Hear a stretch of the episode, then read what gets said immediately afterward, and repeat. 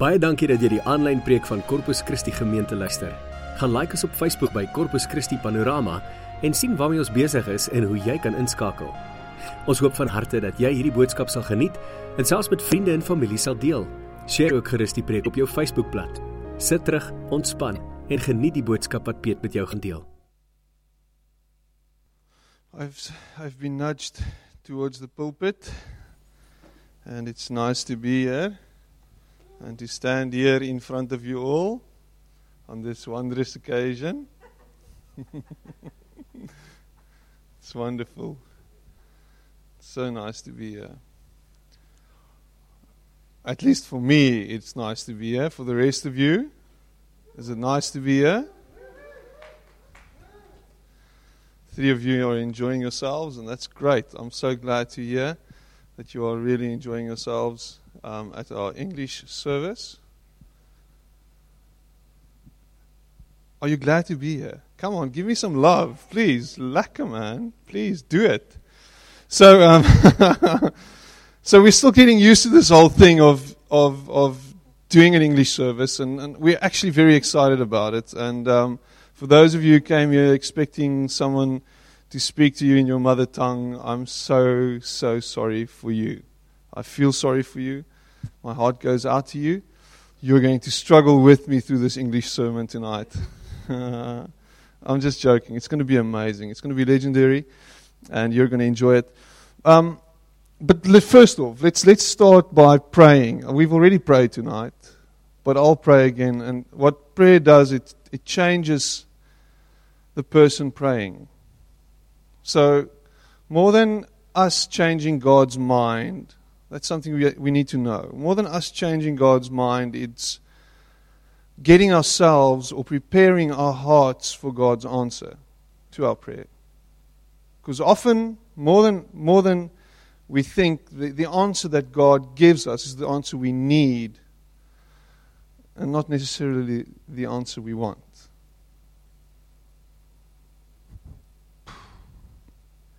Heavenly Father, I thank you, Lord, that you are here, that you're not far, that you're God with us, that you're God in us, and that we are in you. It just boggles my mind. It still freaks me out to think that the God of the universe, the one who made and created everything, that one, that one lives inside of me. And more than that, you love me. You accept me. You have accepted me. I can just be in your presence. I can just be who you made me to be. And in your love, I can start changing. I can start becoming the person you want me to be. Thank you that your love shapes me, Lord. Thank you that your mercy shows me the way. That you invite me into a, a relationship with you and that, that I'm acceptable to you. I thank you for that. And now, as we as we sit around your word and as I preach tonight, Lord, just come and prepare our hearts for what you want to deal and what you want to share with us tonight. And I pray, Lord, that you will really come and just just move us to a new and a better understanding of who you are. And in that, also a better understanding of who we are. May we come to know you. And as we come to know you, we come to know ourselves. I pray this in Jesus' name. So, the whole reason, and I'm, I'm, I'm not really trying to justify myself, but at the same time, I'm, I'm really trying to help everyone understand why we do what we do. Why are we doing this English thing? And uh, other, than, other than the fact that Panorama is changing at a rapid pace and the community is becoming more and more an English speaking community, I don't know if you know that, but Panorama Primary School is changing, it's rapidly changing into an English medium school, even though it's dual medium there are more English speaking pupils than Afrikaans speaking pupils in Panorama. And that, that, didn't, it, that never used to be the case, but it's becoming the reality and the new norm. So we've decided to embrace this as a church. We don't want to be a church caught out by this. We want to embrace the culture and really engage the culture. So we're still Afrikaans church, but we're also becoming an English church. So how's that? We want to be an Afrikaans and an English church, not a dual medium church. We want to be both. I don't know how we're going to do that. I'm trusting the Lord to really guide us into that. Um, and at the same time, to, to prepare me for that. And um, I'm really excited by, by that. It's really, it's really exciting. It's making me excited. but at the same time, we have an online presence. I don't know if you know that. Our sermons are available online at soundcloud.com forward slash Corpus Christi Gemeente. And that should probably change in, in future to Corpus Christi Church. But people listen to our sermons on on the internet. And that, that's, that's really interesting and that really excites me as well. Um, so what's going to happen now is when we preach an English sermon, it's, the reach can be just so much wider. And we're really excited about that.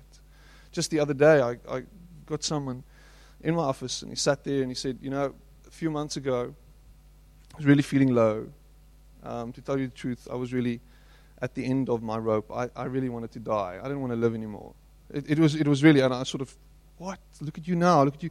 Look at what you are. Look at how you've, be, you know, how you live, and you've got such a, an amazing energy about you. And and he said, no. So so I was lying in bed, like I've been lying in bed for quite a few days already, and just feeling low. And someone, friend, came into my room and said, you know, here's my phone. Just listen to this. And his words to me was the following. He said, "You saved my life." he listened to a sermon that I preached, and it really, we just spoke to him, and he said his life turned around. And that's not me. I'm not saying that to boast. I'm just saying that we have an online presence, and that excites me. So if we preach in English, the reach is just going to be so much wider. And that really excites me. So let's see what God does through this, and let's see what happens through this and because of this, because we're daring and we're challenging ourselves. So thank you for being challenged tonight. Thank you for sitting here and listening to an English sermon and just engaging with what's happening here. And thank you for not running away and walking out. I know you want to walk out, but I'll tackle you before you reach the door. I'm just joking. Maybe, and here I'll, I'll start with this. Here's my sermon.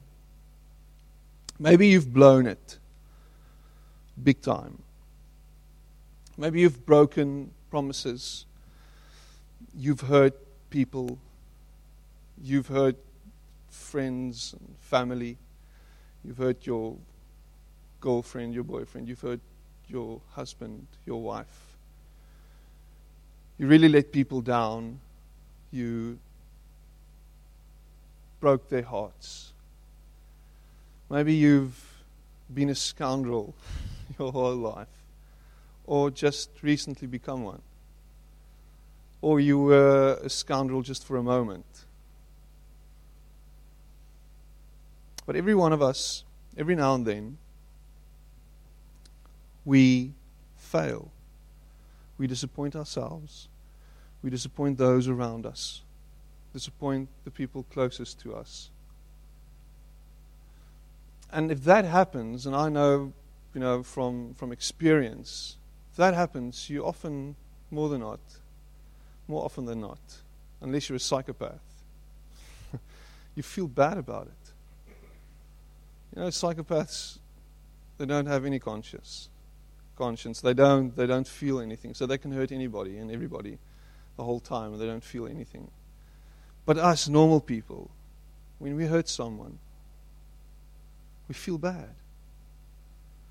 You feel, you know, you feel, how could I have done this? And, and, and you, you look at the people around you and you, and you see the disappointment in their eyes and maybe after you've done it you, you feel bad about it but you know you think to yourself how, how, how am i going to fix this how's this going to be fixed you know they say it's very easy to break the trust relationship but it's very very difficult to rebuild that trust. Maybe you've heard that before. It's easy to break trust, but it's really difficult to rebuild trust. How do you do that? How, how do I make them just trust me again? How do I make them believe in me again?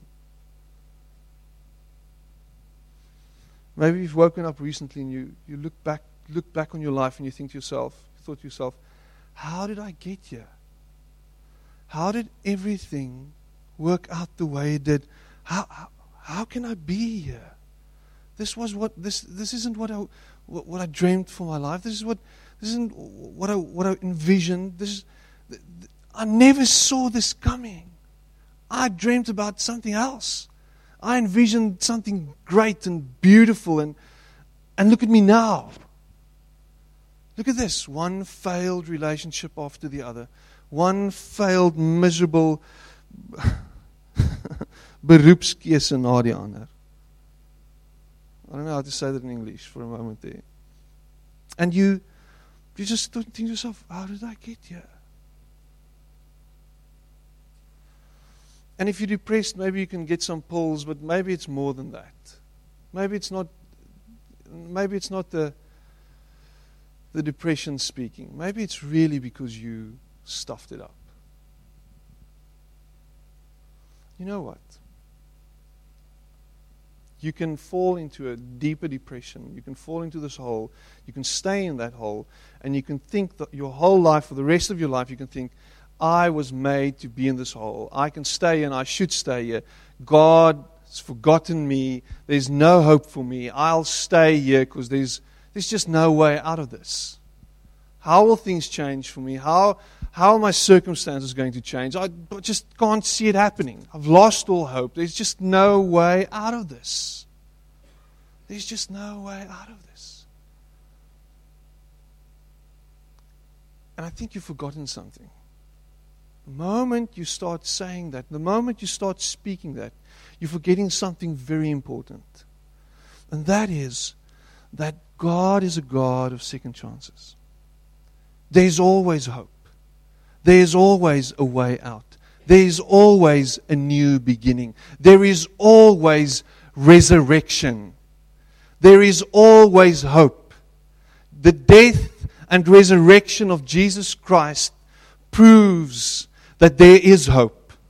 That there is hope, more hope than you can ever believe, that you can ever think, because of the fact that he rose from the dead. That is the reason us as Christians, we can hold on to something else. We can hold on to not the logical stuff, the stuff we can see, the stuff we can look at. We, we, we, we, we can grasp, we can hold on to a hope that's beyond any reason, beyond anything that we can grasp and that mentally makes any sense. There's a guy, and, and maybe you've heard of him, his name is Peter. And, and, and Peter was, was really is, is, a, is a funny guy. He's really a hard headed guy. A guy was very close to Jesus. A guy was very passionate about Jesus. He was really passionate about it. He was the guy who took out his sword and chopped off a guy's ear, you know, when, when, when they came near to Jesus when they wanted to, to take him into custody, he was the guy who wanted to protect Jesus. And I promise you, he didn't want to chop off a guy's ear. He wanted to chop off a guy's head. It wasn't for the fact that that guy ducked like a ninja, he would have lost his head. It would have been like Game of Thrones. Gory, bloody, vicious. This is, this is Peter. And he loved Jesus passionately. He wanted to be Jesus' best buddy. More than Jesus' best buddy. He wanted, he wanted to be his confidant, his closest friend. That's what, that's what he wanted to be. He was really this, this, this, this really passionate guy, this, and, and very. Die Afrikaans vir die woord is Wat is hierdie woord? Ek soek woord. Help my met hierdie woord. Hy was impulsief. He was an impulsive guy. Really impulsive. So, Jesus gets taken into custody. Gets dragged before the high council. started taking him apart, started beating him, viciously just beating him, an innocent man. And Peter was just behind him, just looking at what was happening. And a day or two before, before that happened, Jesus specifically told Peter, You are going to be the guy who's going to deny me. You'll deny that you know me. You'll deny that you know me. And Peter said, Whoa, whoa, whoa, wait, wait a minute. You don't know me. You don't know me. I'm loyal. I'm more loyal than you can ever think. I'll be by your side. Nothing can take me away from you. No, nothing can separate me from you. I'll be there. You just wait and see, Jesus. I'll be there. Don't say this. Don't speak like this. Don't you come with this story. I'll be the one. I'll be the last one to stay with you. Never ever will I desert you. I will never deny you. Everybody else will, but I won't. And Peter does exactly what he said he won't do. And he denies Jesus not once, not twice, but three times. He denies knowing Jesus. Listen to this. He says, here in Luke 22, you can go read the account there. Luke, Luke 22, verse 54 to 55. He says, Then seizing Jesus, they led him away and took him into the house of the high priest, and Peter followed at a distance. Peter followed at a distance. Didn't want to be too close. Didn't want to be recognized. And when some there had kindled a fire in the middle of the courtyard and had sat down together, Peter sat down with them. Just looking this whole picture, just looking at Jesus over there, just checking it out. And Peter made a few mistakes along the way. And I think we can learn a lot from Peter because we all make these mistakes. We all make these mistakes. We're sure of our salvation. We're sure of our faith. We're sure of how steadfast we are. We're sure of the fact that we love God and we that, that we'll follow Him and we're sure that we've grown. We're sure that we're sure that we've left, you know, a lot of things behind. We've we've come through a whole lot of stuff. You, you, know, we're not the same person we was 10 years we, we, we, are 10, we were 10 years ago. We, we, we new people now. And so, so we, we, we sort of boast in our strengths because we've become stronger. And, and Pentecost, this whole time, this, this time we've just come through, we, we sort of become aware of the fact that, you know, God has empowered us by His Spirit. So we are empowered. The same Spirit that, that, that, that raised Jesus from the dead is, is the Spirit working in each and one, every one of us. So, so we are empowered. We have the gifts of the Spirit. They work through us.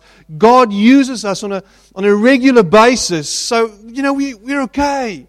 We're strong. We, we'll, we'll, God, you know, will, will be there. But here's the thing the thing is, we sometimes, and if you want to make notes, you can make a note here, we underestimate our own weaknesses. We underestimate the fact that we are so weak, that we're not as strong as we sometimes think. And we have to come to grips with this. Jesus knew all about Peter's weaknesses. Jesus knew him through and through. Jesus knew that Peter will be the one denying him. That's why he told him that. He was aware of that. In 1 Corinthians 10 says the following We are capable of anything, me and you. We're capable of anything. But if you think, just as you think you're standing firm, be careful. Just as you think, you know, you know you've, I've got this figured out, just be careful. Your weakness is very close to you. Paul was very, very, very aware of his own issues, his own mistakes, his thorn in his side. He was aware of his dark side. Was that the projector dying now? at last. The weakness of the projector. There we go. So, even though we're strong, we're weak. Even though we, we, we, we, we live with self control, the thing with self control is it's always, there's always tension. Self control means there's a lot of tension the whole time. You've got to control, you've got to keep your act together. And we keep our act together and, and we sort of keep our act together and we, we're keeping our act together and then we, oh, we're keeping our act together until someone drives in front of us and we, we lose ourselves. And self control goes out the window and we messed up big time. And the poor guy will drive away, the other guy will drive away with a picture of a middle finger stuck in his face the whole day. Or some other bruise on his face after you've hit him, or with a spanner or a hockey stick. Hopefully, you'll never do that. Don't ever do that. But we, we, we, we, we get so aggro sometimes for, for no reason, for whatever. And, and maybe you don't struggle with that, but there's something else that you struggle with. There's something else that you know is your Achilles heel. And every now and then, that thing comes out of the closet, that skeleton exposes itself, and you, oh my goodness, I thought I've already dealt with this. I've dealt with this in therapy. I've dealt with this, you know, with the Lord. I've brought it to Him. I've spoken to Him. I've prayed about this. I've fasted about this, you know, Pastor. But every now and then, it's because you're human. It's because you're weak. So, what has to happen is that as a follower of Christ, we have to get to this place where we start acknowledging our weaknesses. When we start saying, you know, I know I'm weak, but in my weakness, I know I can be strong because it's God who strengthens me. It's God who gives me strength. The strength doesn't come from myself, it's not me, it's Christ in me. And the more we grow in this, the more we come, become aware of the fact that we are fail, fallible creatures, just normal human beings. It's then when God can start healing us and repairing us and restoring us and transforming us. It's when we start walking around with, ah, I'll never do that. I'll never do that. I'll never say that. I'll never be that guy. I'll always be the best I can be, and I'll do that. And I'll. The moment you start boasting in your strength, it's when you'll fall. It's one of those very, very interesting and paradoxical things in the Christian life. Being aware of your weakness, being aware, being aware of the things that will tempt you, and living with acknowledgement. He underestimated his own weakness. And I like, I like the next point as well. If we read this in verse 56, we read this in verse 56, it says, Peter followed at a distance. He sort of knew where Jesus was. And if we take it literally, he was sort of scared out of his mind. Okay, so that's why he followed Jesus at a distance. I mean, if, if, I'm, if I'm with Jesus, they'll grab me and they'll pull me and they'll do pro- probably the same things to me they do to him. And I, I'm, I'm not just not, not going to risk that. So I'll, I'll follow him here from a distance. And I'll be here just looking around the corner and just sitting in the, you know, in the shadows just not, you know, don't want to be exposed too much. But he's a, he's sort of a, a backseat follower. And I want to challenge you as a follower of Jesus to fully engage with the God who made this place, who made this earth, who made you, to fully engage wholeheartedly with Him. not to check him out from a distance. We, we, as Christians, saying you are a Christian doesn't mean I come to church every now and then. It's more than that. It's being aware of who He is every single moment of every single day. Being aware of His presence in your life. Being aware where your power comes from. Being aware that He is the one who protects you. Being aware that He is the one who gives you strength in every single moment. All your energy, all, everything you need comes from Him. It's living with that awareness, not following from a distance and every now and then just checking in. Yeah, you know, yeah, lekker, everything's going fine. Lekker to see you, Peter. See the church is going well. Nice, man. See some new people here. Very cool, man. Okay, now, so where are you? No, I'm just, you know, I'm just busy, man. You know, I'm just doing my thing every now and then. You know, I just need to connect every now, just touch base. It's nice to see you again, and I'll, I'll see you soon, eh? Maybe next week, but you won't see me next week because I'm not coming next week because I'm checking out. You know, I'm just following on a, from a distance. Yes, I'm getting there. Bette Midler, would you want to sing it for us? So, so, and, and, and, and Peter, following Jesus for three whole years, every single moment of every single day, pulled away. How, interesting is that? Becoming afraid. Was with him every single step of the way. Never left him. He was there all the time. And when push came to shove, what happened? Walked away. This is too tight for me. This is too close to comfort. Close for comfort. I, I can feel I can feel stuff happening now. This is tough. I can feel it on my skin. This is hurting now. This is gonna hurt. Uh, I just need some distance. I'm getting hurt.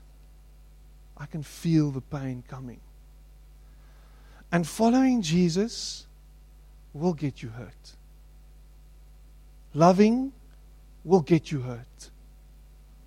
Loving people around you giving yourself to other people, really engaging in community, making yourself available, exposing yourself, who you are, so that people can see the real you, is challenging. It's tough. And it is a risk. And you're probably going to get hurt. But that doesn't mean you walk away from Him. You know, you Christians, you Christians, you're all the same. And it's all a big fat lie. Let me tell you, you're all the same. You just heard, you're all a bunch of hypocrites. And you'll say, Why are you saying this? Because they hurt me. They stabbed me in the back. And the guys outside of church, yes, they do it also, but they don't do it under false pretenses. I know it's coming. Oh, it is weird. So, what we do is we blame him and we walk away from him.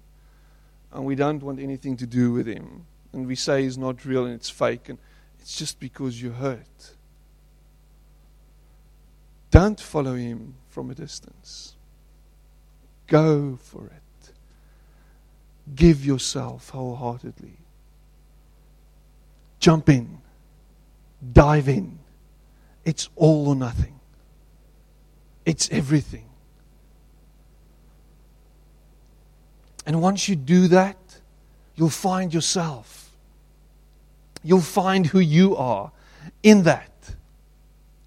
Peter was sitting far away from Jesus, and he couldn't see who he was. He couldn't see who he was. He couldn't see that he was the rock that Jesus spoke of. He couldn't see that he was stronger than he thought. He couldn't see that he was who God made him to be. He couldn't see that he'll be one of the first fathers of the church. He couldn't see that. All he saw was pain and suffering, and I'm so glad I'm not him.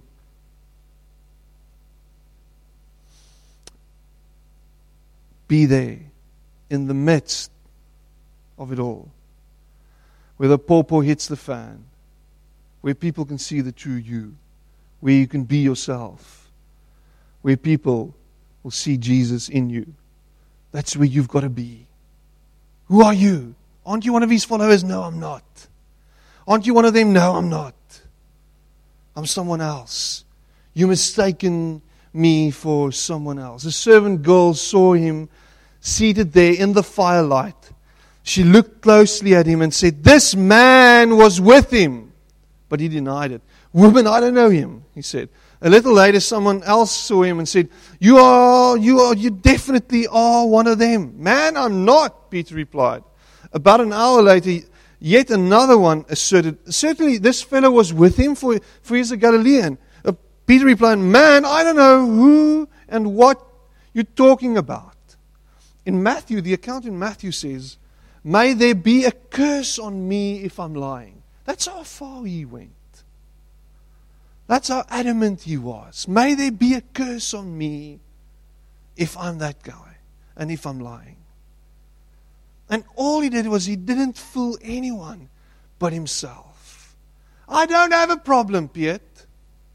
I can quit. You don't have to say anything about it. You know, everybody's saying there's a problem, but you not you don't want to you don't want to acknowledge it. You can't acknowledge. I'm not weak. My marriage is fine. Everything is fine. Just leave me alone. I'm, I'm just going to be here on the fringes. Don't want to be there where people can find out who I really am. And just as he was speaking, the rooster crowed, and the Lord turned and looked straight at Peter in that moment. And then Peter remembered the word the Lord had spoken to him Before the rooster crows today, you will disown me three times. And Peter went outside and wept bitterly. Jesus, already beaten, his face broken, black and blue, with blood running down his face, looked him in the eye. And he's looking you in the eye right now and he's saying, Stop lying. Stop hiding in the shadows. Stop walking away from me. Stop being so distant. I want to show you who you really are. I want to work with you. I want to change you. I want to make you whole. I want to heal you. But stop hiding and stop running away from me. Come on. Engage with me. In my pain, in my suffering. I want you here with me. And imagine how the story could have played out if Peter engaged with Jesus in that, if he was there. Eventually, he came to a place of realization where we fully engaged with the risen Christ. And his whole life was changed. He was crucified upside down. he died a martyr. And there was no fear in him. Fearless. He had to get to a place where he acknowledged who he was a failure, acknowledged that he wasn't good enough. And once he did that, God changed him. The Spirit of the Lord did something in him. More than that, the Spirit of the Lord filled him up. And it was less Peter and more Jesus. And the crazy thing is, in John 21, we read where where Jesus comes and he restores this relationship between the two of them. There's this moment where Peter invited his friends and said, Let's go out and let's go catch some fish. And they spent the whole night on the water and they couldn't catch a single fish. it was nothing. And what was so interesting, it was it's actually so profound. So this guy stands on shore and shouts at them about 100 meters away and says, Put your nets on the other side of the ship. Just let it down on the other side. Dude, haven't we done this already? We were out, out the whole night long. They probably let their nets down on all the sides of the ship already. And they're ready to come out, they're prepared to come out. They're basically naked on the ship, they say. It's very interesting. And this guy shouts at them, Put the net on the other side of the boat. Okay, let's do this. And what was very interesting is listen to this. This arrogant, full of it guy, this guy, this know it all, said, Okay, let's do it. This Peter guy. And, and the Bible says they, they actually didn't know that it was Jesus speaking to them. They only found that out later. And it's so profound that the change that happened. The Peter, who was this arrogant guy, wanted to cut off Malchus's uh, ear and head or whatever, who denied Jesus, eventually comes to a place where he listens to this person. And the moment he does that, the whole boat almost sinks. So full of fish it is.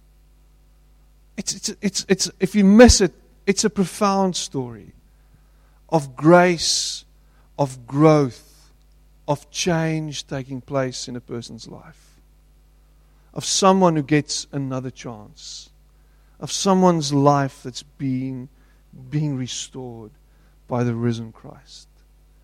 Your life is failure. Your, your name on your forehead is failure.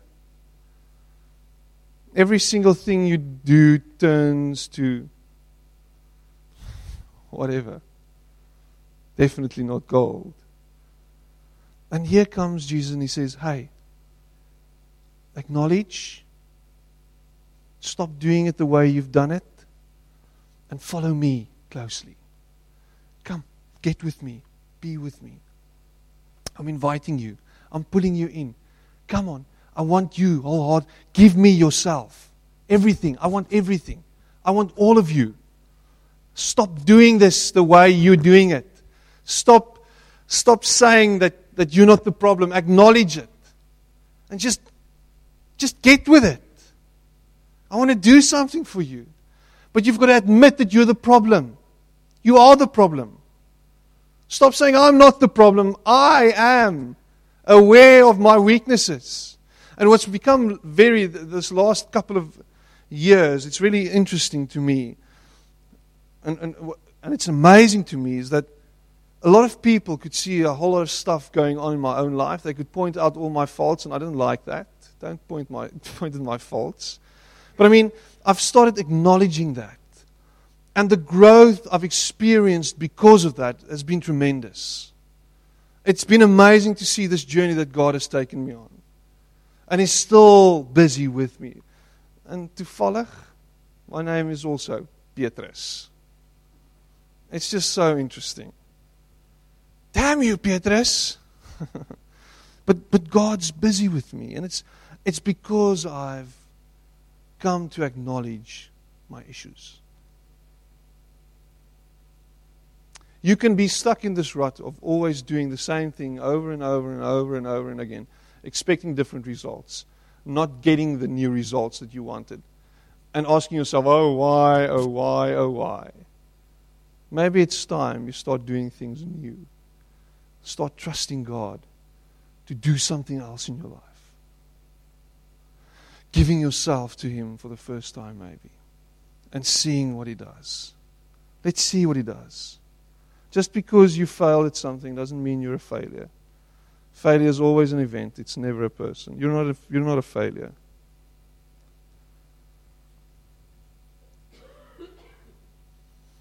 You are made in his image. And you suffer. And, and in 1 Peter 4, verse 16, Peter says, he says, However, if you suffer as a Christian, do not be ashamed, But praise God that you bear that name. There's hope. There's hope. There is hope yet for you. And God wants to change you from the inside out. He wants to put you in a whole new dimension, on a whole new place. And He wants to do it today.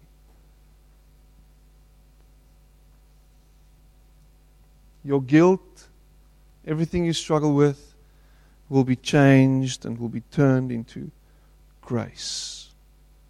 Grace. Everything you have and everything you'll be, everything you'll become, everything you ever desire will be because of His grace. God's grace, as Paul says to Corinthians 12, is sufficient for you. That's what you need. It's all you need. Nothing else. His grace. And His grace comes to you tonight and says, Here it is. Here's my grace. You want to take it? You want to walk away? You can't earn it. You can't do anything to deserve it. Just take it. It's here for you. I want to change you. And it's by His love that He'll change you. Not by, not by you feeling guilty, not by coercing you into something else. It's by His love that you will change. He wants to change you. He's in love with you. He loves you. He wants to see you transform. He wants to see you become this person he, he sees for you. He told Peter, I know who you are. You are the rock on which I'll build my church. And in every one of us, he sees something special and spectacular. You are. You are who I say you are. You are special. Come on. Just come over to the light side. Heavenly Father, thank you that you are a God of grace and love and mercy. Thank you that you change us,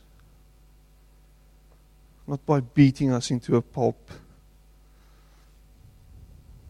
or manipulating us or making us feel guilty, but because you love us. You change us by your love. Thank you that your grace for us is sufficient. That's all we need. Thank you that we can look at a guy like Peter's life and just experience how, how tolerant you really are, how gracious you really are. Thank you, Lord, that you forgave him for denying you. And we deny you every single day. We walk away from you every single day. We look at you from a distance every single day. Ironically, you're, you're with us and you're in us and you're not far away. But we, we try to walk away from you. We try to, to, to close our ears and eyes for you. But, but help us to see you. Help us to see what you want to do in our lives, Lord. Help us to, to, to acknowledge the fact that we need help. Help us to see that we are weak and that in our weakness, Lord, your strength can, can be made perfect and we can become the people you want us to be, Lord, because you're the God of, of greater things that we, we can ever imagine. Thank you, Lord, that you want to use us. You want to work through us. Even though we're not the perfect deal, we're not the real deal yet, you still want to use us. Thank you that you're on this journey with us. And I pray, Lord, that we'll grasp this tonight. That you can give us a second chance, that you can make us new, that you can do things through us. I thank you for that. In Jesus' name.